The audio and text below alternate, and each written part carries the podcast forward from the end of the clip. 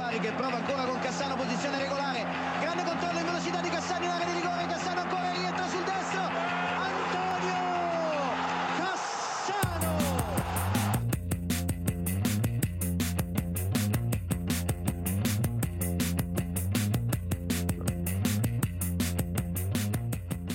Já, það er komið að punti bósta vikunar.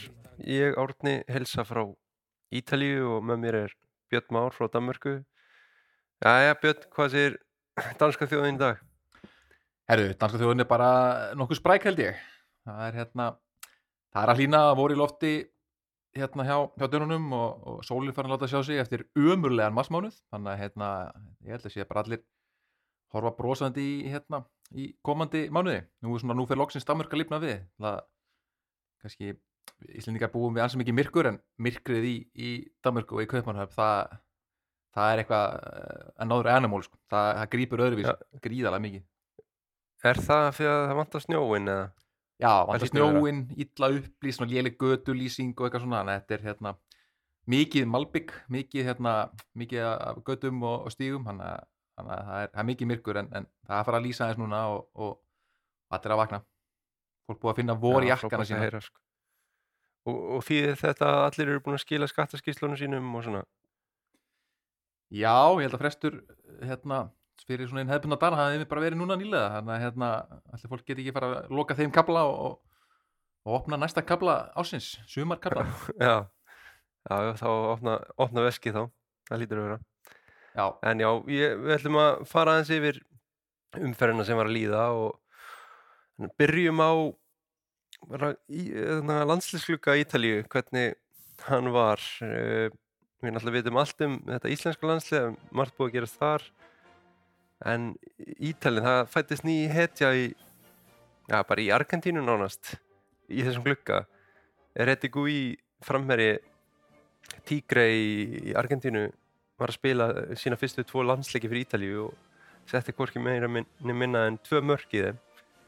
Ríkilega vel gert. Uh, fyrra marki kom gegn Englandi og það setna Möldu. Hvað, náður að sjá þessa leiki hjá Ítalínum? ég sá nú, held ég að sé einn hálfleik í, hvorum leik. Það var nú bara ekkit sérstætt þannig fyrir leikurinn. Þeir voru mjög lélegir hérna fyrir hálfleiknum víst, gegn, gegn Englandi og, en, en sem betri í setni en hérna en þetta, e- e- þessi, þessi landsleikja gluggi markaði þessu þetta svolítið af þessu að, að það voru meðsli á framhörum á Ítalíu og, og mikið talaði um það að Reti Gui var að koma inn og, og mann síni mikið kvart undan því að vanti dýft í þetta landslið og svona. En, og mér finnst það mjög svona leiðileg umræða af því að veist, ef maður, ef maður velti því fyrir sér þá er ekkert mörg landslið sem meiga við því að aðal strækirðin meiðist hvað þá að strækir nummer tvö meiðist líka. Þú veist, alveg, eh, bara þegar við komin á þetta level þá bara, það munar mikið um það. Hvernig væri enska landslið án Harry Kane til dæmis í þessu leikjum, ég meina hann, hann var bara þetta lið uppi þarna á móti Ítalíu. Uh, og, og næsti maður inn hjá Englandi er, er Ivan Toney sem er góð leikmaður en, en hefur aldrei spilað eh, held ég Evropuleik áður sko, eða, hérna, eða, eða landsleik þannig að þetta er svona veist, það er sárt þegar vantar hérna, aða strækjarðin og hérna, finnst fólk gerir kannski svona full, full mikla dramatík úr því eiginlega Já, það kemur maður í mann stað og hann skoraði tvö er nú meira heldur en eh, Immobile hefur verið að skora þarna frammi, hann hefur lítið verið að skora finnst mér. Já, algjörlega, Það er bara bara frábært að fá hann. Drauma byrjun hjá Já. þessum gæja og hérna, Já, já, bara ég veit svo mikið hvort það sé að fara að starta marga leiki ef að hérna Immobile og, og, eða, og Raspadori verða heilir en hérna, en bara eh, gaman, skemmtilega að fá svona karakter inn hann er Já, kraftur í honum gaman að sjá hann, mér finnst hann svolítið svipar og Immobile á velli, hvernig, bara hvernig hann hleypur og svona hlaupastíll og holningin á honum. Ég veit ekki hvað það er. Já, ég, og ég, ég var bara kraftur í honum sko, hann var góður hann í föstu leikætrið með góður skallamaður greinilega og, og svona flottu skallin hann hjá hann sem skoraði og, og hérna bara, já, já, bara sprækur. En, en ég segi ekki, eiginlega efast um að hann sé að fara að slá út einhvern starter hérna í eitthvað liðinu ef, að- ef allur heilir en, en, en þetta, er, þetta er skemmtileg saga og, og hann, hann er allan að gera tilgat til þess að vera í hóp næst aftur. Já, og það er náttúrulega verið byrjað að orða við Inter. Því að þeir væntanlega ja, missa Lukaku í sumar aftur Chelsea og ætla ekki að kaupa hann. Þeim vantar framherja og ég held að Reti Gui sé bara mjög ofalega á lista hjá þeim, samkvæmt fjölmjölum hérna úti. Já, kannski leiðilega við hann bara að hann, hann vilist ekki tala ítölsku það er hérna eh, kom mér ansi spænst fyrir spænst fyrir sjónir hérna, hann mætti hérna bara að tala spænsku og svo var eitthvað þýðandi með hann sko. hann var greinilega, ef þetta var ekki einu sinni spánum verið að geta nú klárað sig á Ítalíu sko, en, en hann, hann var ekki, ekki alveg nálætt í hann að Nei, nei, þetta er bara svona. En ég ég er allavega mjög spennt fyrir honum ef hann kemur til Ítalíu. Ég var vel til í að sjá hann. Eh, bara í þessu interliði. Ég held að hann hendi þeim vel. Uh, en kannski að aðeins öðrum málum. Tíko Motta stjóri Bologna er orðaði við PSG hvernig líst þér á það? Já, hann hefur verið orðaðið við hans í mörg stólið, er gott gengi hjá, hérna, hjá nokkrum liði núna í rauð og hérna, bara það sem hann er að gera við þetta Bologna liði er bara einhvern veginn það sem Mihailovic tókst aldrei, hann er að fá þetta lið svolítið á flug og þeir rúla hann yfir út í Nesi vikunni og eru einhvern veginn komin svona hátt undir hérna, nánast í Evropu baráttu svona ekki alveg en svona þeir eru að narti skottið á Evropu liðunum og hérna og mikil kraftur í honum og e, maður tók eftir því á leiknum að hann var að hvetja menn áfram þótt að menn var komin í 2-0 yfir og þá var hann ekkert á, á því að bakka og var að, svona einhvern veginn að rífa liðið áfram að menninu á vellinum voru bara einhvern veginn hálf hlæjandi að því hvað hann væri svona, hvað hann væri grimmur og, og, og hérna, og vildi meira og meira. Þannig að hérna, já uh, og e, mjög spennandi kostur en þetta PSG þjálfarastarf er náttúrulega bara mjög, mjög einstakt í Já, ég held að vilji Jú, jú, fólk vil peningana og þannig en ég held að þetta sé mjög erfitt starf til þess að vera í en Tíko Motta er náttúrulega fyrirvendir leikmaði PSG þannig að hann ætti að þekka hvert krók og kema þarna.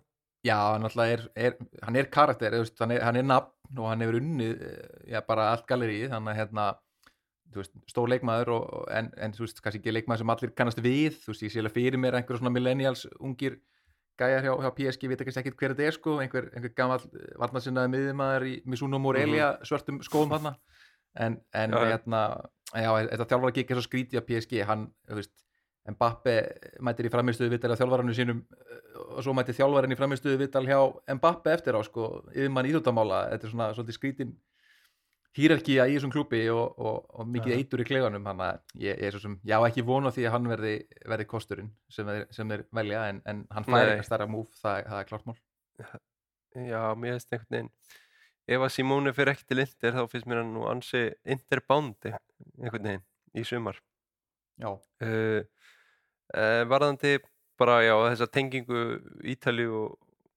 og Frakland það Ígor Tudor var nú eitthvað að ræða munin á Ligue 1 og Serie A núna bara í vikunni hvað hvernig já hva, hva, hvar lág svona mest í munun þar á?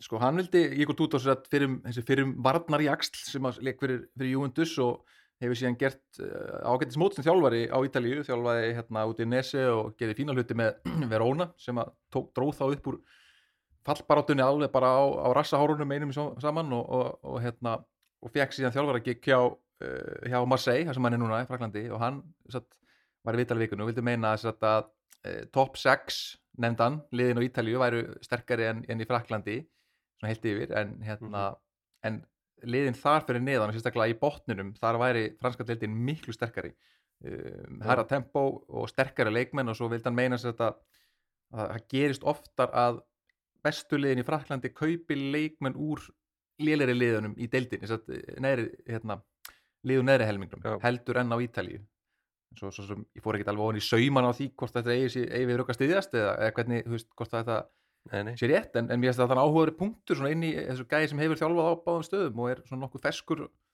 hérna, á báðum stöðum og veist, það kannski svolítið Mhm. skrítið að ve- se- velja topp 6 því að það er nú eiginlega svona 7-8 lið sem eru mjög á, afgerandi best á Ítalíu en, en, hérna, en eitthvað lítur hann að hafa til síns máls einhverja, einhverja reynslu hefur hann. Já, já, þetta er já, ég veit ekki, jú, ég held að þetta sé svo sem kannski rétt hjá hann varandi svona, það er svolítið stórt bíl á milli neðstu og efstu liðana en mér veist oft svona liðin í neðri hlutanum einhvern veginn gefast upp áður en þeir keppa við stóru liðin sko, á Ítalíu. Þetta er svona, ég leggja þannig oft upp leikin að já, við, ætlum, við skulum bara koma frá þessu svona sómasamlega, við ætlum ekki að tapa stórt og, og gefa oft liðanum ekki einhvern veginn almennilega leik Já, ég skil En- gott við. Ég, þetta er svolítið eins og í Þískalandi líka, veist, það er kannski meiri rótering í Fraklandi á, veist, eh, það er auðveldara fyrir lið sem lendi í fjórðasetti að detta síðan niður bara í fallbaráttu árað eftir já, heldur en eins og á Ítalíu, þar sem þetta er svona aðeins fastara fyrir hvernig, hvernig toppurinn raðast, þannig að það er kannski, það er alveg rétt hjá hann með því. já, en þá kannski að já, sögu ferðarinnar nei, sögu, sögu helgarinnar segi ég, ferðasögunni miklu sem að ég skellti mér á leik. Það er bara fyrsti leikurinn okkar síðan að já, við byrjum að taka upp punkt og basta Já. það var þarna Juventus Hellas Verona í, í Torino á lögætaskvöldi klukkan kortir í nýju það, það var ákveðin upplifin það var 20 steg að hiti úti og já, bara einhvern veginn jöklarnir á öllbunum glitruði yfir Allianz vellinum ég var með félaga minni sem var, er enni heimsón hjá mér og, og við ákveðum að bara mæta snemma á völlin og fá okkur náttúrulega svona góðan game day mat sko. Og fyrir valinu var að vanda þessi flata pulsa. Það var eh, svona stórt grill sem tók á mót okkur þegar við erum að lappa vellinum sko, tíu minna lapp frá lestastöðinni og það kemur þessi íslenska svona sumar grilllykt og það er náttúrulega bara fyrir Íslending að finna þessa lykt einhvern veginn í apríl það kveikir í manni sko Ég er að, ég er að var sækja bara- grillið mitt bara úr, úr geimslunni bara í þessari viku, sko, bara ég geti, Já. geti beðið, sko. Já, það er bara, það er eitthvað sem að kveikir í Íslendingum, þá er það góð svona kjöt grilllykt Og nágræni minn er að fara að fá reykeitrun bara eftir helgina, sko. en við förum allavega og, og græjum þessa, svona, þessa flötu pulsu í einhverju brauði og félagið minn segir nú að það er það er alltaf rannsóknarefni hvernig heilbrið yfirvöld á Ítalíu leifa þetta grill sko. það er bara einn gæði sem er að sjá um það og hann er að meðhandla rátt kjöt og elda kjötið og græmmeti liggur hliðin og ráa kjötinu og... en við tókum þessa samlóku og hún var góð og hún skadaði okkur ekki þannig að við, við gefum þessu bara topp einhvern þessari, þessum eh, grillmeistara. Uh, síðan mættum við bara snemma á völlin vorum þetta kominir inn örglega rúmlega klukkutíma fyrir leik bara til þess að aðeins að draga í okkur stemminguna. Það var búið að auðlýsa að vera DJ búið að senda mig tölvupúst minna á að Silvi og Lotto væri á, á græjunum sem er bara hörku DJ og Er þetta eitthvað nafn? Nei, var- settir, settir þetta á okkur. Er þetta, þetta, er, þetta er eitthvað nafn í DJ heiminum með það? Eh, Já, samkvæmt allavega þessum pósti sem ég fekk þá var þetta eins og þetta væri stærsti DJ á svæðinu sko. ok. uh, ég veit svo sem ekkert hversu stór hún er hérna í, í reif menningunni sko, en, en þetta var bara hörku DJ og já, við mætum hann að snemma og, og setjum í kurfunni uh, bara með svona þessum hörðustu stuðnismönnum og ætlum bara að fara til okkur og það er alltaf bara sungið og, og tralla þarna fyrir leik og síðan líður að leiknum þá ég sjá að það er bara svona 30 mann sem standa eða fyrir framann okkur. Við erum sko á næst fremsta bekk á svölunum þannig að það eru svona svali með svona gler uh, grindverki fyrir framann okkur. Og það fólk er ekkert að fara að setjast sko, það er ekki sjens kom ykkur öryggisverðir og það verður bara rifrildi bara. Þið er ekki verið að skipa okkur að setjast inn í kurfunni við stöndum hérna bara og horfum á leikinn sem leitið af sér að það þurftu allir að standa allan leikinn. Af því að skilur við við vorum næstu menn sem sáum ekki ef við stóðum upp þá sáu gæðinir fyrir aftan okkur ekki þannig að þetta var bara þetta var keðjuverkun yfir nánast bara alla stúkuna þannig Var það bara eitthvað glirharðir stuðnismenn eða? Já, þetta var bara þetta var, þetta var bara svona fólk sem að kisti alla þegar þau mættu ársmiða hafar og, og vita alveg hvað þau mega að gera þannig sko. Júventusvöllurinn er mjög svona hvað með segja svona það er búið að vestrænan svolítið. Það er búið að taka svolítið svona bullu menninguna þann út eins og það hefur gerst bara í vestur-Evrópu síðustu ár.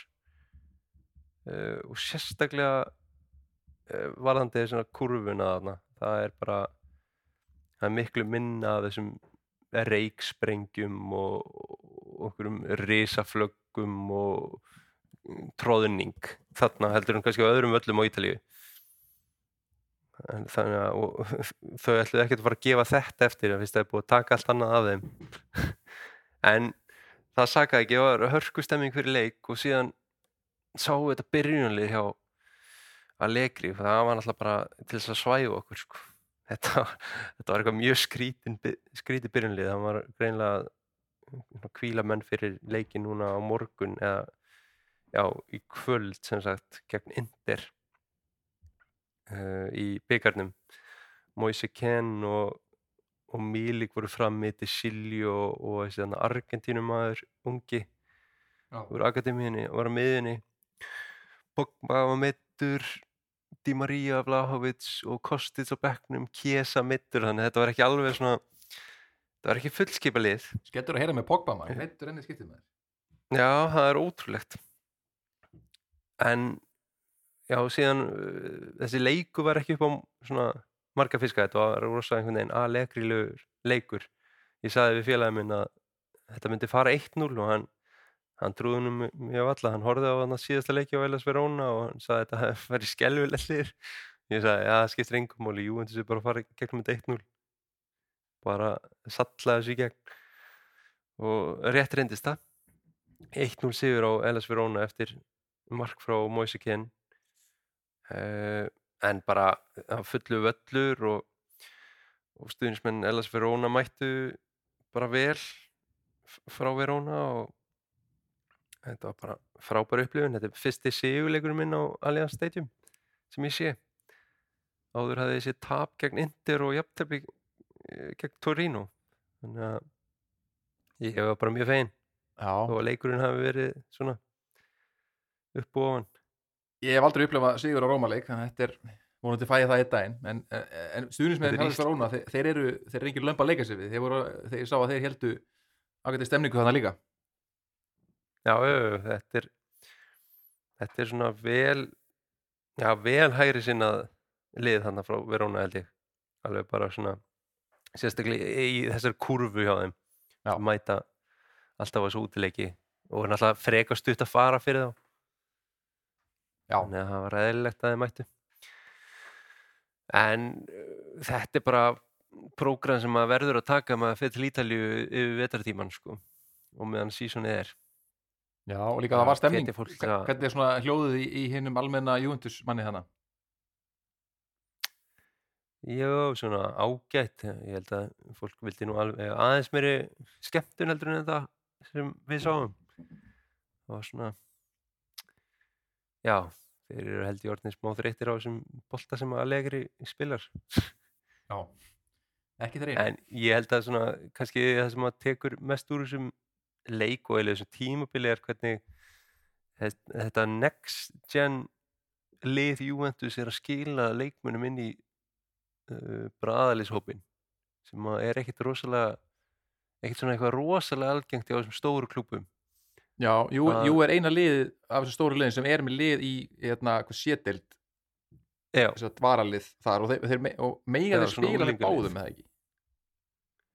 jú, ég held að megi flakka á milli uh, liðana sko, Juventus og Juventus Next Gen. Þannig að þess vegna mm, bara Fagioli, Miretti Barencia gæðin annan sem var á miðinni í, í kvöld og eh, Samuel Ealing Jr. þetta er allt gæða sem hafa verið í þessu liði og fengið tækifæri þar og er bara að virka vel og ég síndist að Allegri var að tala um bara að þetta væri það væri komið nóg að spekulandur sem sögðu að, að Calción væri á niðurleið en gerði ekkert í því þannig að hann var að hvetja önnu lið til þess að bara rífa upp bara upp liðin sín Já. og sagði að Juventus væri leiðandi þar Já, ég meina þetta eru miðjan hjá þessi, þessi tveir sérstaklega, Miretti og Fagioli, ég bara báðir komið mjög skemmtilega óvart einhvern veginn, bara virkilega, Já, bara vaksa með hverju leiknum sko og svona eitthvað sem að, sem ég að eftir nokkur ára munu, Juventus munu örugglega horfa til þessa tímabil svona munu eftir því þegar þessi tveir voru svona stíðar sem fyrstu skref. þetta er mjög mikilvægt líka bara fyrir fjárægin sko að búa til peningar öðruvísi heldur en einhvern veginn að selja treyjur eða miða. Fyrir þá, geta að selja leikmenn með þróa hjá sér. Já, en bara svona já, öðrum, öðrum leikjum þá var hann alltaf bara risa leikur í Napoli. Þar sem að já, fólk var vel peppa fyrir leikin Napoli AC Milan. Já, Eh, þetta er náttúrulega slagur sem að mun eiga sér staðan okkur sinnum núna í apríl. Held að svona eftir þennan fyrsta leik þá, þá voru uh, Napoli menn slegnir svolítið niður á jörðina. En alltaf búin að spila fáranlega vel og síðan mæta þér þarna og, og tapa 4-0 fyrir AC Milan á heimavelli. Já, smekkvöldum velli. Já, það er, það er held ég svona smá, ég held að það hefði verið já, smá stressandi fyrir þá. Já, það var mjög margt við hérna leik einhvern veginn að aðtuga sko. fyrst alveg alltaf, Ossimenn mittist í, í hérna landstíkjalínu Já. og hann er svo að er mittur í, í svona 10-12 daga þannig að það er svona óvís hvort að nái fyrsta leiknum í að næsta leik þessara liða, en hann ætti að hafa setni leiknum alveg öruglega um, það er ekki bara það hann, þess að hann var ekki með hann í gær og, og, það er ekki bara það, hann, hann týndi líka grímunni sinni, happagrímunni já, já. og það, sko, það er fólk, já, við hlægjum báðir að því, sko, en, en í Napoli Já. hlæja menn ekki að svona, sko þeir eru, sko, leikmenn frá Napoli þeir, bara í Napoli liðinu þeir spila allir með 25 ára gamla legglífara þegar þeir skoruðu þrennu í, í sjötta flokki og einhvern veginn halda þessi ennþá galdrar í þeim, sko, þeir eru mjög hjátrúafullir kissa ja. Madonnu myndirnar alveg, sko, 30 sunnum fyrir leik hægra megin og 30 sunnum vinstra megin og, og svona, að það, menn hlæja ekki það svona í Napoli og hérna þannig að menn e, svona, hafa verið að gera tilhunni til að finna þessa, þessa týndu e, happagrími hans Ósimenn en hérna, hann alltaf var ekki með í gær og það sást alveg á liðinu, þeir voru með Giovanni Simeone sem að, var góður fyrstu mínúti utan fannst en svo, svo var einhvern veginn þessi leiku var algjörlega bara eiga Asi Milan og, og hérna sérstaklega Pjó, hefur Pjóli fengið hrós fyrir hvernig hann stilti miðjunni sin upp hann bara Mhm. mattsaði svolítið miðjuna hjá Napoli setti hérna Ismail Benacer á, á Stanislav Lobotka á miðjunni og, og bara miðjan bara Asi Milan bossaði svolítið miðjunni hjá, hjá Napoli og, og svo var Rafael Leao þetta bara já, þetta var framistæða sem, a, sem að gefa þrjúan við mokkanum sko. Já, þetta er svona þetta er svo mikið einhvern veginn leikmaður sem þegar hann ennir að vera bestur þá er hann langbestur á vellinum sko, já, finnst mér sko. Algjörlega. Og þeir, þeir náttúrulega fóru aftur í fjóri þetta fjóra múna vörð, fóru í fjóri, tveir, þrýr, einn cirka og hérna sem Leao var út í vinstra megin í staðin fyrir, hann búin að vera undanfanna leiki á, í svona frammi í, í 3-5-2 og, Mhm. og það hendar hann miklu betur að spila út á kanti og hann sagði það sjálfur í viðtal eftir leik uh, hérna, hann skoraði eitthvað tvö og læði beitt eða eitthvað í leiknum og hann sagði sjálfur að það hendur hann betur að spila út á kanti þar sem hann fær pláss til að snúa þegar hann er auðvitað upp á toppi þá, þá færði ekki þetta pláss en, en hann vill fá boltan og geta dræfað á menn og hann dræfaði heldur betur á á Rahmani og, og hann bara Korean barbecue-aði gimmaran hann í vördunni sko. þetta var alveg, þetta var svaðalegt hvað hann fór ítla með og, og einhvern veginn bara, já, AC Milan allir leikmenn AC Milan litu vel út. Já, mér veist einhvern veginn sérstaklega Rahmani líta ill út í þessum mörkum. Ég veit ekki mér veist hann eh, bara hafa átt mjög lélegan leik en það var oft kannski svona talin einn af ve- veikleikjum þarna að hann sé í vörninni hjá þeim. Svona ekki, ekki þeirra besti leikmaður. Já, svona uh, mið, miða við einhvern veginn liðið en já, bara uh, fólk var líka að tala um hvað Tónali var hörku góður í þessum leik síndi svona hann hefur verið í smá lægð síðustu mánuði. Já. Svona lítið farið fyrir honum. Sérstaklega einu markinu þá vinnur hann boltan af, af Silinski hérna á miðjunni og, og spila síðan í gegn á, á Lea og frábæla vel gert og þú veist, Íslands hérna, enemy number one uh, Rati Krúnits á miðjunni var geggjaður þú veist, ég hef ekki sé hann Já. svona góðan lengi. Eins og við höfum, Íslandingur höfum kveikt í honum. Og hérna, þú veist Salemakers, Alexis Salemakers kom inn á þessi sem ég hef nú oft gert grína í Heyrðu, þessum hann, hann, hann hefur farið að einhverju sræni þannig, einhverju Maradona sræni og sagt beðið bara til Maradona að fá að spila eins og hann á vellinum sko. Já, þetta var ekkert eðlilegt ég bara eins og ég segi okkar að milli, það var bara eins og Prime Roberto Baccio, hann var bara lapp, markið sem hann skoraði, hann lappa fram hjá einhverjum, einhverjum þreymur fjórum og, og einhvern veginn bara örugur í slútinu, kloppar hann og veist, þetta er bara, það lítur allir vel út hjá þessi Mílan og að samanskapi uh, eiginlega enginn hjá Napoli þannig sé, þú veist, þeir fengar einhver færi en Mænjan var auðvitað frábær í markinu Mhm. þannig að hérna, þetta svona gefur þessi Mílan svolítið uh, sjálfströst en, en ég minn, þetta, þetta var deildaleikur og, og liðinu eftir að mætast í meistarleitinni sem nú það sem skiptir máli, Napoli er basically búið að vinna þennan titil. Já, deildina. klárlega sko. og hérna það voru einhverja kýtingar hann í hálfleik í, í leikmannagöngunum, Spalletti fór eitthvað að láta lega á að heyra það fyrir að hafa tekið The Gritty dansinn þegar hann skoraði.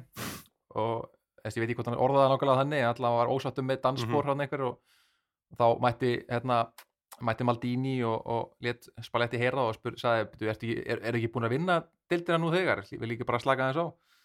Þannig að það er Já. hérna það var, það er smá hitti í mönnum þótt að, þótt að titillin sé, þeir séu með nýju fingur á, á þessum dildatilli Napoli menn Já, þetta, þetta er bara tíma spursmál hvernig þeir taka dollinu og sérstaklega því að liðin annað fyrir neðan eru svo mikið að tapa stigum.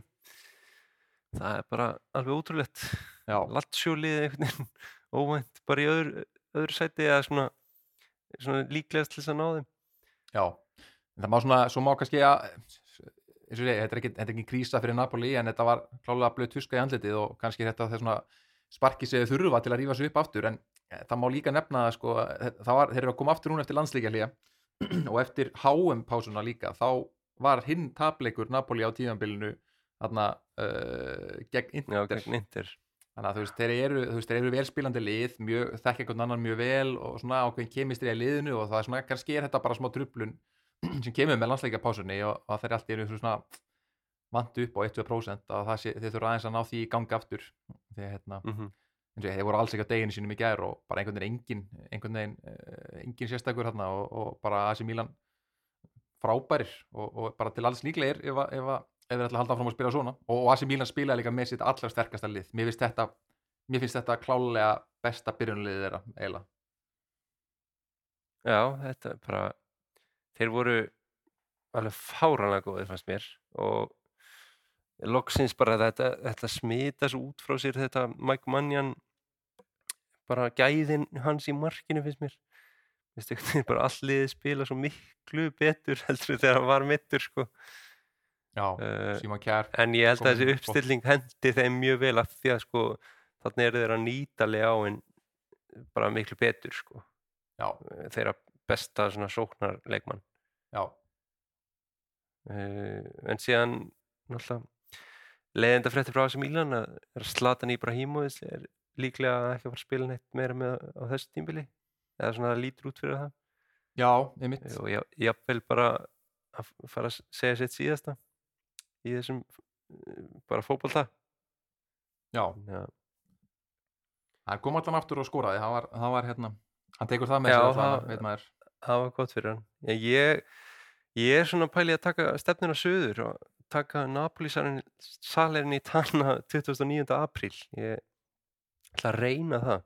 Er það, er, það fyrst að nokkri leikir fyrir, er það, þeir vantarlega eru konum með titilin þá eða hvað? Ef ég, þeir- sko, það fer svolítið eftir úrslitum sko. Þetta, það gæti alveg verið bara leikurinn sem við taka við tillinum sko. það hlýtur að vera á móti nágrunum sínum, það var rosalega leikur sko. það, ég vil ekki Ég vel eiga bar í hvorki Napoli nýja salinni tana þann dag ég er bara stressaður sko. ég þarf að held ég að dílit út öllu, öllu efnum Juventus og samfélagsmiðlunum mínum eða fólk fyrir að leita uppi sjá nafni mitt einhvers staðar sko.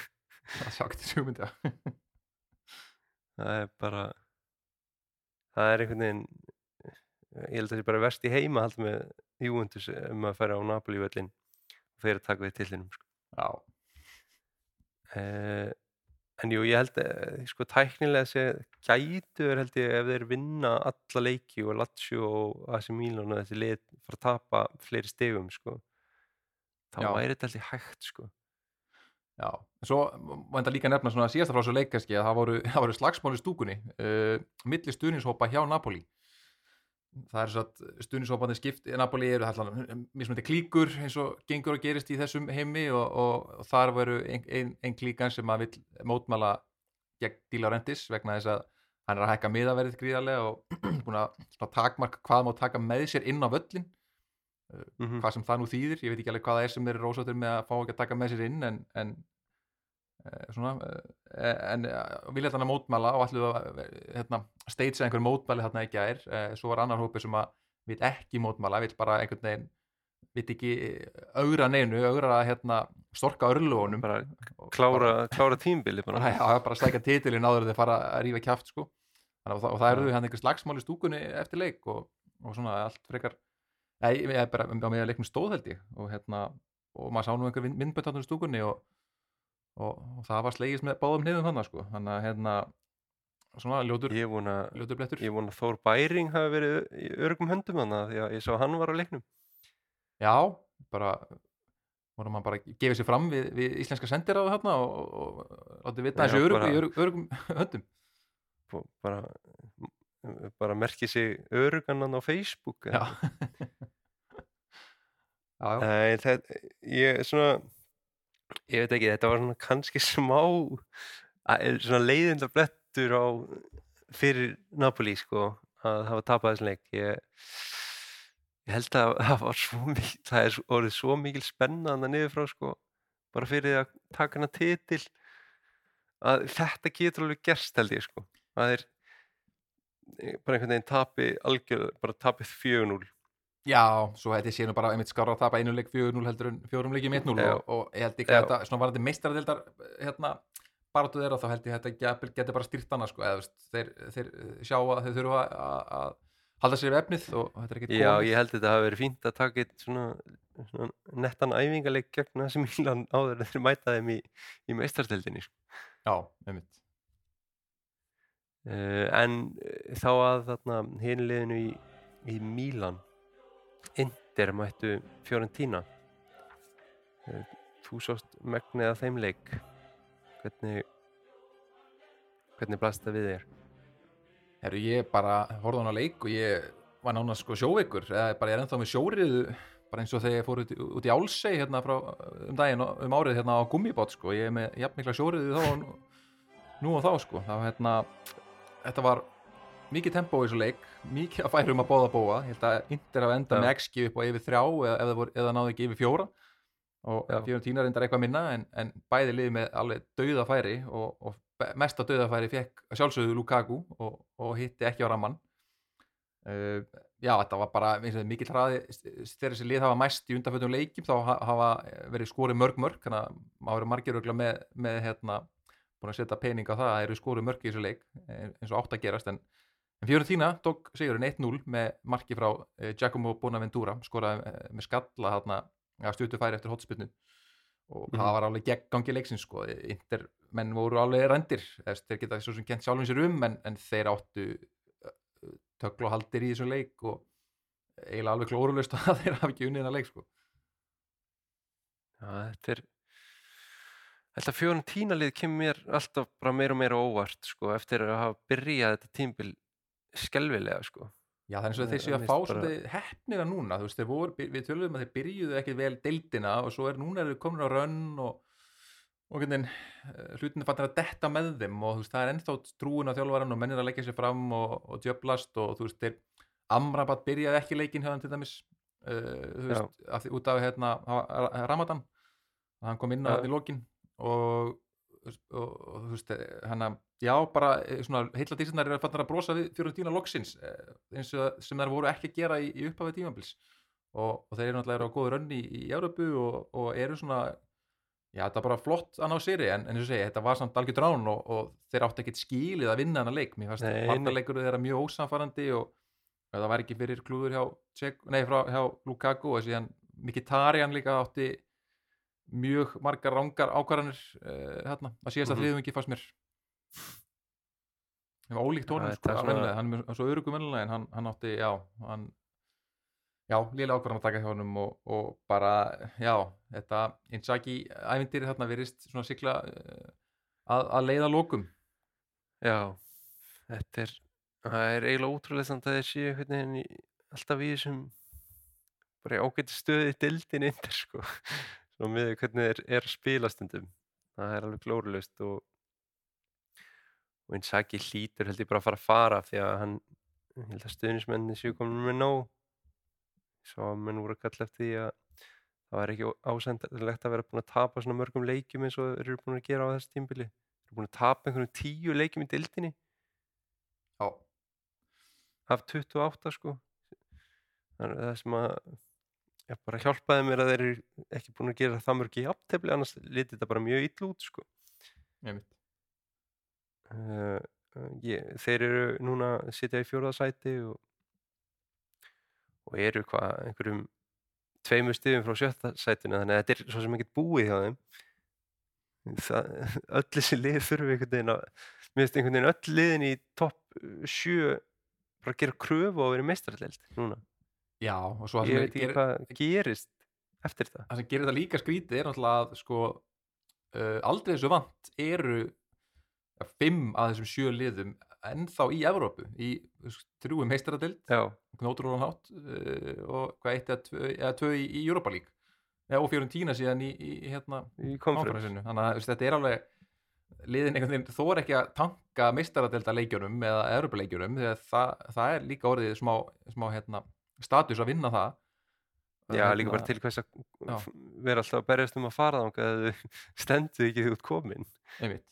En, en svo að samanskapið þá mega þau ekki tapa leik í dildinni en þau eru samt alltaf að gera það þannig að þetta er svona, þetta er orðið mjög undarlegt hérna, tímabil og bara algjört rat reis sem verður núna hérna, síðustu leikina sko. ég mjög erfitt að spá fyrir um hvað, hvað lið tak, tak, taka þetta. Þetta eru Lazio eru komin rækandi stöðu en hérna eru hérna einhverjum Mhm. svona aðeins búin að slíta, sig frá, frá pakkanum en, en þeir eru ekki með eins breiðan hóp og svona eh, menn er ekkert eitthvað öryggir þar að- menn náði þessu en hérna, nei, nei, en eh, svo sem eina liði sem er ekki í Evrópu þannig að kannski já. hjálpa þeim svolítið.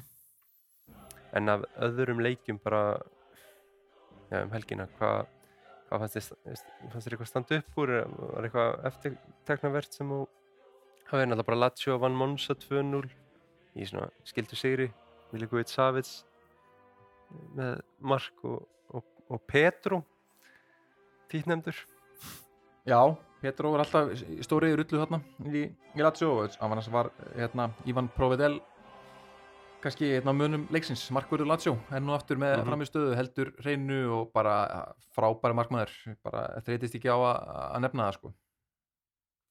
Nei. Mm, eh, vo- voru einhverju fleiri svona púntar sem þú tókst úr hinum leikjunum. Eh, við förum bara svona létt yfir þetta. Cremonese tapaði fyrir Atalanta 1-3 Já, þar voru, Atalantamenn voru nú í basli. Þetta er ekki komist yfir hérna. Skor ekki 2-1 marki fyrir en bara það eitthvað 20 minnur eftir. En Rasmus Já. Hóilund komið mitt inn á á 60 þannig að hann, hann átti assist og komið auðvitað sjóðandi heitur úr þessu úr hérna landslíkja hliðinu og, og, Já, og Sá er bara búin að vera að taka þetta 2023 með trombi sko. já, hann er búin algjörlega. að vera störtlaður sko. já, uh, Eh, síðan Ró, það er svona Bologna Róma- út í Nesi. Já, 3-0 sigur Bologna. Svo sem bara Diego Motta að gera sitt. Já, uh, Spezia Salernitana 1-1 S-liðin 2 þar var þarna ja, galdramæðurinn frá Róm Eldor Eldor. Sjómurótov, úsbækin knái, Já. hann skoraði geggja mark það var svona chipumark, komst einn í gegn alltaf, hann gæti ekki keft sér mark í Róm þótt hann myndi leggja alveguna undir sko Nei, en hann bara mætti hérna til spetsi og, og jafna leikinn og með bara geggjari chipu yfir markmannin og hérna heldur þeim inn í þessu það er þetta uh, það að fara hérna bitnaðist til í spetsja og, og ferðamanna innrásinn til Cinque Terre hann í nágrinu er auðvitað hefjast fyrir, fyrir sísonið, Já, ætla ekki ská hann að menn eru bara bjart Páskarnir. þar. það byrjar um páskana það er bara þannig. Já, ég er náttúrulega að gleyma þínum mönnum í Róma. Já, uh, Róma vann þarna 3-0 sigur á Sampdoria náttúrulega skildu sigur en, en hvað já, hvað tekur úr þessum leik? Það voru alveg nokkrir finnir punktar sko, að þú veist, eh, Róma fór aftur í, í fjörumanna varnalínu, síðan hafa ég ekkert spilað undir Mourinho síðustu ár. Út af, út af einhverjum hérna, bönnum á mönnum og hérna vorum hérna Jorente eitthvað eins og kom frá Leeds hann var í hafsend með, með Smalling og, og jú, þeir voru bara miklu betri sko, það var ekkert Mhm. eitthvað fallegu leikur en eh, en hérna já, Dybala, þess að Wijnaldum er svona stóra nafni í þessu leik. Hann, það voru svona frétti fyrir umferðina um að, um að Róma væri ekkert sannfærir um að hafa hann áfram. Hann auðvitað fótbrotnaði fyrir fyrstu umferðina hann hefur ekkert hérna, komist ekki inn í þetta fyrir bara eftir áramót. En he- hefur verið svona að vaksa og svona uh, síndi það þessum leik hann setti, hann ekki tvö mörg og, og hérna eða, eða Marko sótti víti, já, alveg Já. og hérna var mjög góður þessu leik og, og hérna setti sótti víti sem að Dybala skoraði úr og síðan setti El Sharavi punktin yfir í þetta með marki í uppbúta tíma eftir assist frá Óla Solbakken normanninum sem að mér finnst líka hafa komið sterkur inn í þetta. Að, Mhm. hann var svona, hann fór væral hérna Óla Solbakken hérna, hann átti þess að koma inn á þegar hérna, þegar Róma skorar þannig hann stendur á hliðlínum og Rinjó þar að gefa um einhverja fyrirmæli svo er svona myndavel náunum þegar, nákvæmlega þegar á mómentinu þegar hérna Róma skorar og það sést maður að hann horfið svona á Mourinho og Mourinho horfið svona í augun á honum og bendir Já. svona mér þetta eins það var bara aftur í treyjuna og aftur á bekkin og, og hérna en hann kom síðan inn á setni leiknum og átti geggjað assist á El Sharavi og, og já, bara frekar einfaldur sigur á lokum hjá Róma þótt að þeim takist að gera alla leiki eh, allt of jafna um, Já, bara þetta var algjör skildu sigur LS Verona og Sampdoria í, í 18. og 19. sæti og, og Cremonesi í því neðsta það maður kannski nefna líka hérna hann voru hann Stankovic þjálfari Sampdoria, hann tók eitthvað trilling þarna og, og stuðnis með Róma byrjuði að kyrja einhver einhverja söngva gegn honum sem að inni heldur Já. meðal annars e, svona niðrandi ummæli og Mourinho var þá lappað út af bóðvangin horfði svona á stuðnismenna og svona benti þeim á að dempa sig og það, var bara eins og hann var að stjórna sinfóníu í hljómsveitinu sko, þetta var bara það ja, hann, hann stýrir þessum stuðnismunum algjörlega sko. ég, ég sá líka að var, var að hrósaði mig ykkur viðtali núna í vikunni að, að það var ekki hann sem ætti Nei, stuðnismenn Róma ætti ekki að vera þakkláttu fyrir hann heldur að hann ætti að vera þakkláttu fyrir stuðnismenn Róma þannig að þetta er svona þetta er smá einhvern veginn svona eh, feðga samband þannig á milli, eh, milli stuðnismann og hans finnst mér. Já, bara þegar hann segir, hérna, þegar maður sá hann á skjánum byggja mennum að, að þakka niður sér, þá bara þaknaði ég heim í stofu, sko, það, það var Já, En það hefur líka verið talað mikið um framtíð hans og hún ætla er í óvissu eftir hérna, hvort hvort þið ná erbjörnsætið ekki og svona ítalski fjölmjöla voru mikið búin að skrifa um að hann myndi sennilega fara fyrir svona tveim viku síðan en svo var einhver fundu vist núna í síðustu viku fyrir þennan samtöðurarleik þar sem hann hitti stjórnar eh, fórsetan og, og, og frýtkinn fjölskylduna sem áfélagið og það voru svona fyrstu fréttir eftir það að hann er sennilega bara öllum líkundum áfram og hérna Já, saman ok, hvernig það er- færi að það væri svona long term plan bara og, og menn ætla að reyna að ganga frá þessu Dybala klásúlu að hann, að hann megi fara í sumar menn ætla að reyna, að reyna, reyna að tryggja hann til lengdar og, og svo bara farið svona að halda áfram í einhverju einhvers konar uppbyggingu Já, ég held að það sé bara mjög jákvæmt fyrir Róma að halda Móra sko. Móri er bestur á Ítalíu, hann, þar er hann í essinu sínu sko. Þar er einhvern veginn, hefur fólki meiri tolerans fyrir þessum svona, þessu attitude í honum finnst mér, heldur en eins og Englandi eða Spáni. já, ég sammála, ég, ég, hann ég vil hafa hann áfram blómstra gjörsalega bara sem karakter í, á Ítalíu sko. já, alveg sammála En síðan voru, já, tveir svona, já, frekar litli leikir í, í dag, Empoli vann Lecce, það sem að okkar maður Þóri Jóhann spilaði einhverja 20 mínútur og var bara sprækur. já, kom bara kraftmikill inn á en, en Letsið bara er í vandræðum sóknarlega, get ekki skorað og fengi á sig klögurinn víti hérna í leiknum og, og er í basli. Þeir verða, þeir verða að bæta í sóknarleiki sinn eða þeir ætla að halda sér uppi. Þeir eru hérna dansandi rétt fyrir Mhm. ofan fallsætin Já, en var frábært samt að Þórir hafi fengið þessar mínútur og kannski er það bara lukkuskrif fyrir Lecce að fara að spila honum meira þannig að sóknarleikunum fara að tikka eins og í byrjun tímbil. hann er búin að byrja eitt leik á tímabilinu. Það var jafntefli úti velli mútið Napoli. Þannig að hérna Það gerist ekki mikið betra. En síðan var Sassuolo og Torino sem eh, leikur endi 1-1. Ég ætla að byggja um að hlaði ég topplista hérna já, fyrir okkur, fyrir páskana. já, Það er þarna ja, topp 5 listi yfir höf við strendur Ítalju. Þetta er mjög spesifik hjá þér. Já, ég var svona maður er að fara að skoða sumarið og, og eins, og, eins og allir íslendingar þá var ég á leið til Ítalíu sumar og, og hérna, maður svona að skoða hvað maður er að, að dífa sér í sjóin og, var að skoða strendur og, höf. Og ætla að gera svona top 5 lista og sá síðan auðvitað að það eru bara 5 höf við strendur Ítalíu þannig að það er bara tilvalið að ranka, ranka öll höfin. Og, til að bæta svo við það þá hef ég prófað að dýfa mér í þau öll þannig að ég, þetta er hérna, 100% faglegt mat. Já, já, já. Og hérna, ég var ekki viss hvort ég væri búin að prófa þau öll sko, en eftir að hafa skoðað leigið yfir sjókortum í dag og, og svona, þá, hérna, þá komst ég að því að svo er þannig að hérna, þetta er faglegt eftir allt saman Ok, ok, ég, ég þarf samt að fá að vita á það nú nefnir hann, sko, er þetta, er matið byggt eh, á, sko, svona áliti fólks á hafinu eða er það bara 100% gæði þess að dýfa sér að nóðan í? það eru gæði, gæði hafsins Já, já, það eru gæði hafsins. Ég, þá byrjuðu við innan topplista, já, númer 5. já, fyrir eins og þú vilt byrja á bótninum Já, á bótninum erum við með Jónahafið.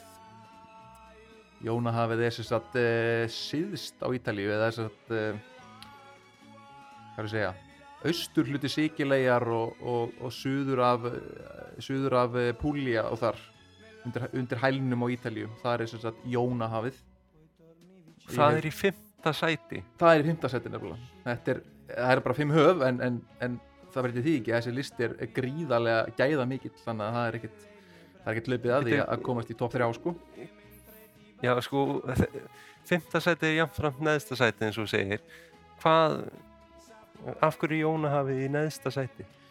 ég held að það bara verið upplifun mín af því sko það skal reynda að segjast að Jónahafið er svona held ég eina hafið af þessum sem ég hef ekki farið í af strönd. Ég var svona, ég var, þetta var svona borgardipp svona í, í Já, Hafnagarði já. í, á Sýrakúsu á Sigilei þannig að það gæti, það gæti hafa litað upplifunna mína og einhverju kannski er alveg brjálæðir yfir þessu en ég, ég stend við Já, valið, ég- þetta er fallet mat og, og, og bara og, og upplifunum var stórkostlega, ég segi það ekki en, en listin er listin er uh, erfiður, þetta er er ekki grín listi sko þetta er ekki höfið Nei, Íslandsstrendur, þetta er höfið Ítalíustrendur þannig að hérna, Já, þetta, þetta er fagnlegt mat, þannig að ég tristi þið fyrir þessu. já og, og í öðru seti, þar erum við þá með uh, miðjarðarhafið sjálft. Já, og það er þá rauninni bara vestur hluti síkilega sem að svona formlega fellur undir uh, sjálft miðjarðarhafið. Og hérna og, og það er auðvitað mjög líkt Jónahafinu enda á svipuðum slóðum. En, uh, en ég þar, ég var þar á strönd fekk þannig aðeins kannski betri upplifun á hafinu og, og síðan miðjarðarhafið bara miklu svona sagan uh, dreifingin, stærðin á því nær út um allt já. það, það hefur þetta á, á sögunni og, og svona dreifingunni uh, Hvað, Miklu- hvar varstu á strand um. þarna? Herðu, ég hef verið nokkrum stöðum hérna á svona vestur hluta Sikilegar Okay. Marsara del Vallo Marsala?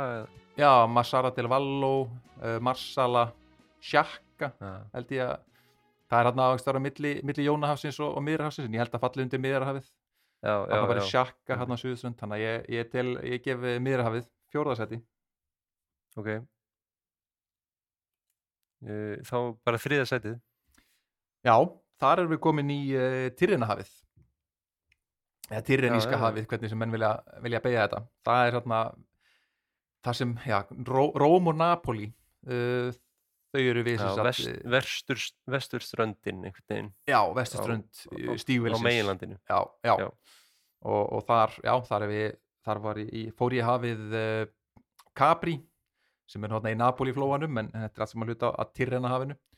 Og uh, Já, það þarf ekki eitthvað orðlengja það eitthvað mikið frekar sko. Nei, Íslendingar hafa dýft sér hann mikið frá Capri, sko. já, já, það hafa allir hlustendur komið þarna, Capri eða Iski eða Prosita eða, eða Eða Napoli eða... já, Ostia hérna hjá Róm það er svona hérna hafnar svona strandlengjan í Róm uh, þannig að hérna, þeir fá hvað þriðasætið Ok, þriða sætið.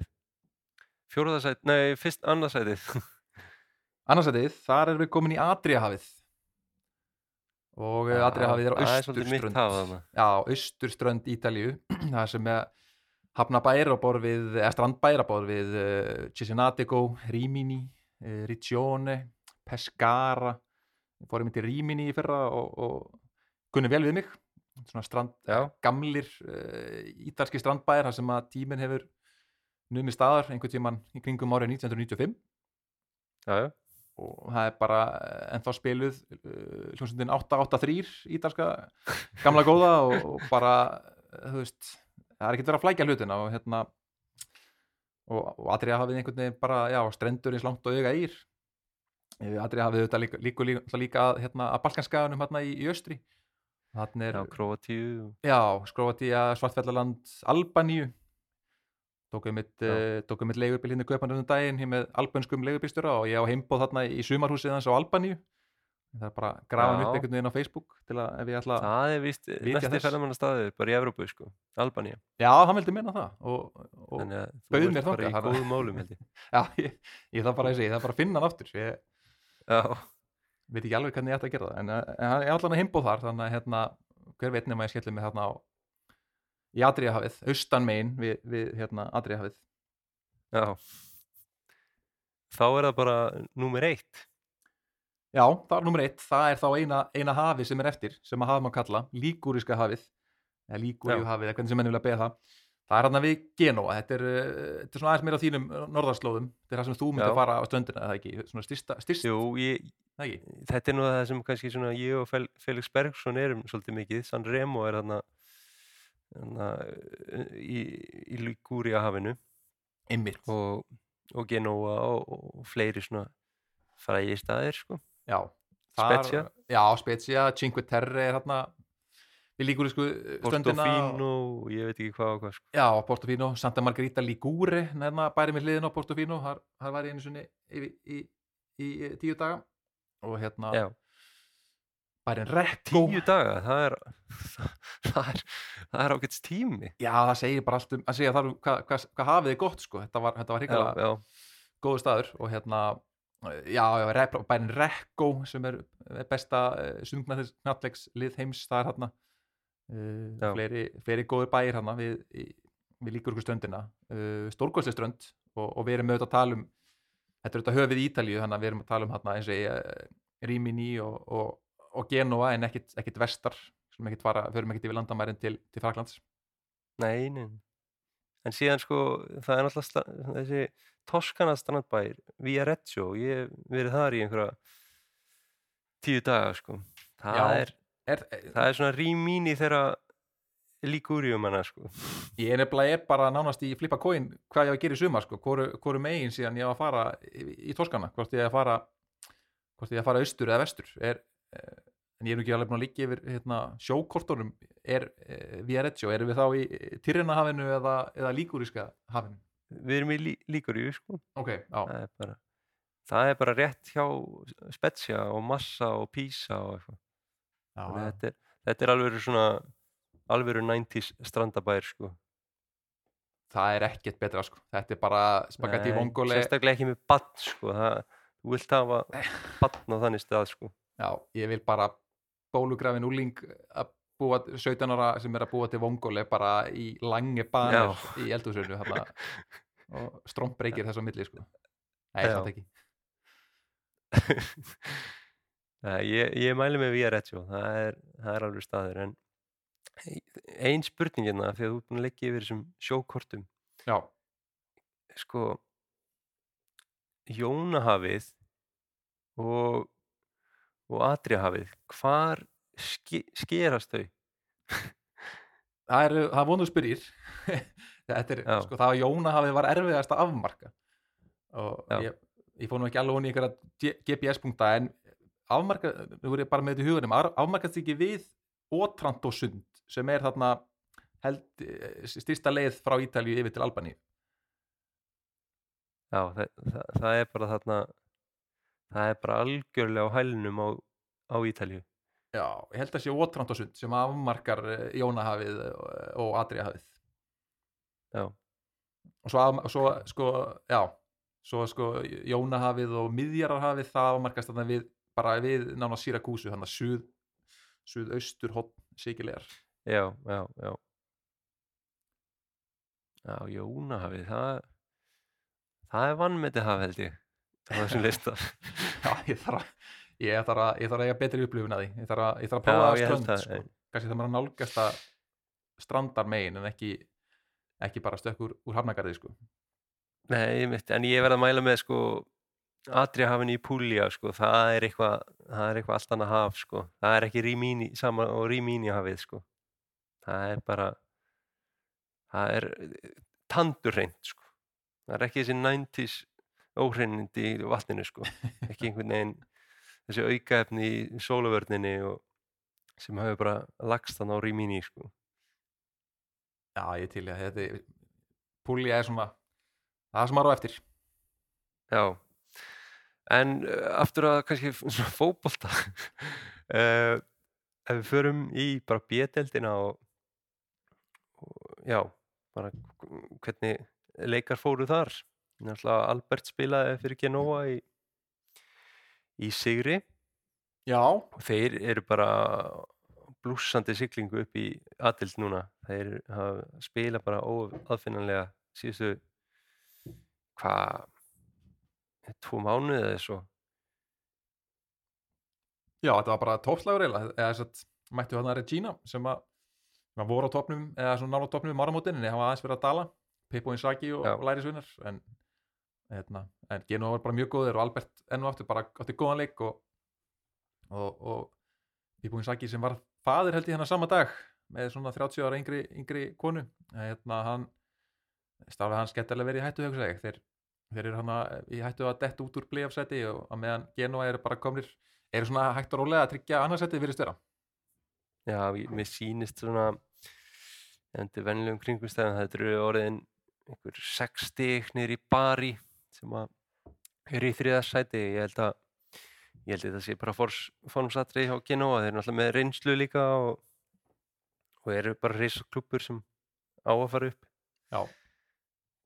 Uh, en hvernig fóru hinnir leikirnir hjá Íslandingarnum Eh, Venezia var önnu sinn leik. Það var sigur þar. Como. Já, Mikael Eitt spilaði allan leikin þar og, og það var sigur Mhm. á, á Fabrikas og félugum Kristoffer Jónsson á bekknum hjá Venezia hún er verið það Já. undanfanna leiki eh, valsmennu þetta er að vonast þess að ná næli hann í sumar en svona hann er, hefur verið að komast hans á bekkin á Venezia en það er spurning hvort hann sé að fara að fá loksins eh, tækifæri hann í dildinni hann Já, sko, ótrúlegt en satt, þá er ekki nema eh, sex stig upp í playoff sæti fyrir Venezia. Þeir eru búin að vera sko í fallbarátti allt tímbilið. Þetta er bara alveg upp í 14. sæti, sko. Já, svo, já, svo var það Hjörtur Hermanns félagari í Písa, þegar hann spilaði held í allan leikinn þegar þeir töpuðu 1-0 mann og ekki gegn hverjum það var en hérna en eru ennþá í, í playoff-seti og bara í liðin eru örugglega núna bara að undirbúa sig undir, undir þetta langa, stranga playoff sem að býður Mm Já, þetta er, það er allavega geggja allir ok- okkar svona stóru leikmenn á- í beteldinni fyrir utan alltaf þess að eins og úrlinga eins og Kristoffer Jónsson er að spila bara mjög mikið sem er bara frábært. Þetta er eins og við höfum oft sagt þetta er miklu sterkari deild heldur en fólk heldur. Þetta er bara þetta er, þetta er bara drullu fín deild. Góðu fótboll sem við spilaðum mjög jöfndild, svona taktísk er Já. held ég, mikið svona fyrir refsað mjög harkalega að þú gerir taktísk mistök gleymið þér einu sinni, þá, þá er það strax refsað Já, og ég sá á Twitter að það voru, það var Íslendingur á Parma, eh, Palermo í bjöldinni, það sem að Parma tók sigurinn. Það er bara, það er alltaf gaman að sjá Íslendinga á leikjum á Ítalíu. Það voru allavega þrýr Íslendingar á leikjum um helgina, þar á meðal ég. Já, Uh, en já, hvað, ef við bara fyrir að slúta þessu bráðum, það var náttúrulega kvennaboltinn. Eh, Sara hefur verið að spila bara mjög vel með Juventus upp á síðkastið. Það er náttúrulega haldið vonin ennþá að, Róma muni mýrstiga sig, það, það er eiga ennþá held ég tölfræðilegan möguleika Já, en, en annars er Róma að hlaupa með þetta ég held að það sé ekki séns að Róma misti í sig núna. Þeir eru, þær eru búin að vera ja, langt besta liðið í ár og unnu hvað þrjú eitt sigur á, á AC Milan.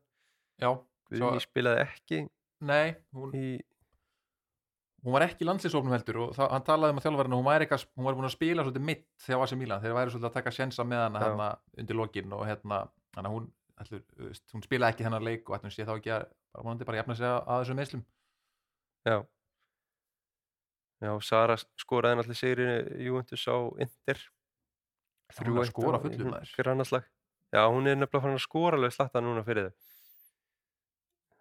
bara frábært sjá það er náttúrulega búið að skipta upp þessari deild í í e, tvær fimmliða deildir eða svona playoff deildir Já. fallbaráttuna og, og efri hlutan þetta er svona eins og íslenska bestadeildin það er Já. bara verið að splitta þessu upp það er ekki leiðum að líkast nei, það er, það er besta deildin sko. Svo er, já, svo er Alexandra, hún spilar bara hver einustu mínútur núna með, með Fiorentina. Já, svo er, svo er Margrét Átnandóttir í Parma þarna í, í botbarátunni en hún er ekki að eiginlega spá neina mínútur þar þannig að hérna spurning hvort að við fáum að sjá hana bara aftur á Íslandi í sumar eða hvað, er, hvað, hún, hvað hún gerir. En þetta er bara þetta var svona stutt yfirferð yfir yfir kvennaboltan ég bara þakkaði fyrir í, í kvöld Björn við já, heyrumst aftur eftir páska. Það vonandi hefur það gott yfir páskana þannig á í Danmörku. Ég gerir það, páskahefið þar? Já, ég, ég er að fara að skýra hérna, uh, hérna á lögadaginn þannig að það er, það eru stóri páskar framöndan á mér. Já, og svo bara, auðvitað minnum við líka á það að Ítalir eru auðvitað að halda páskana strángheðalega þannig að hérna, það eru leikið á föstudaginn og, og, og lögadaginn en ekki snudaginn þannig að svo menn fara nú ekki já, að það, missa leikið, það er stórleikur á er ekki á lögadagskvöldi, Lazio Juventus. Lazio Juve. Þannig að Þetta, er nóg fyrir alla um páskana. Það er hægt að halda upp á hefðir með því að horfa á ítalska boltan í Danmörku. Heldur betur. Heru, Takk fyrir í kvöld. Takk sem þess, heyrjumst Já, bless, bless